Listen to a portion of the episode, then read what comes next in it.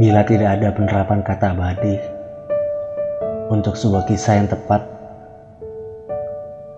maka akan kupinjam sebentar untuk melengkapi penggalan kisah kita. Tertoreh dalam perjalanan tanpa jeda, suara tawa seakan menjadi gema yang memekakan penjuru bumi. Air mataku kuanggap tepat untuk sebuah permusuhan yang hilang dengan satu kedipan mata. Apa yang kita perebutkan juga semua bisa dibagi rata.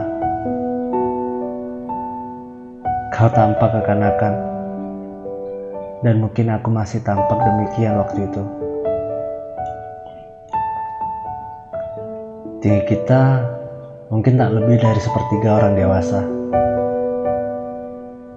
Tapi orang dewasa mana yang bisa sebahagia memiliki kesenangan seperti yang kita miliki? Apa pun, daun kering, tanah basah, cacing tanah, dan ulat bulu seperti terlihat lucu. Menyuarakan tawa, menyusun mimpi, menguatkan, dan kita melupakan. Saat itu, tak ku dengar suara apa pun yang lebih menarik.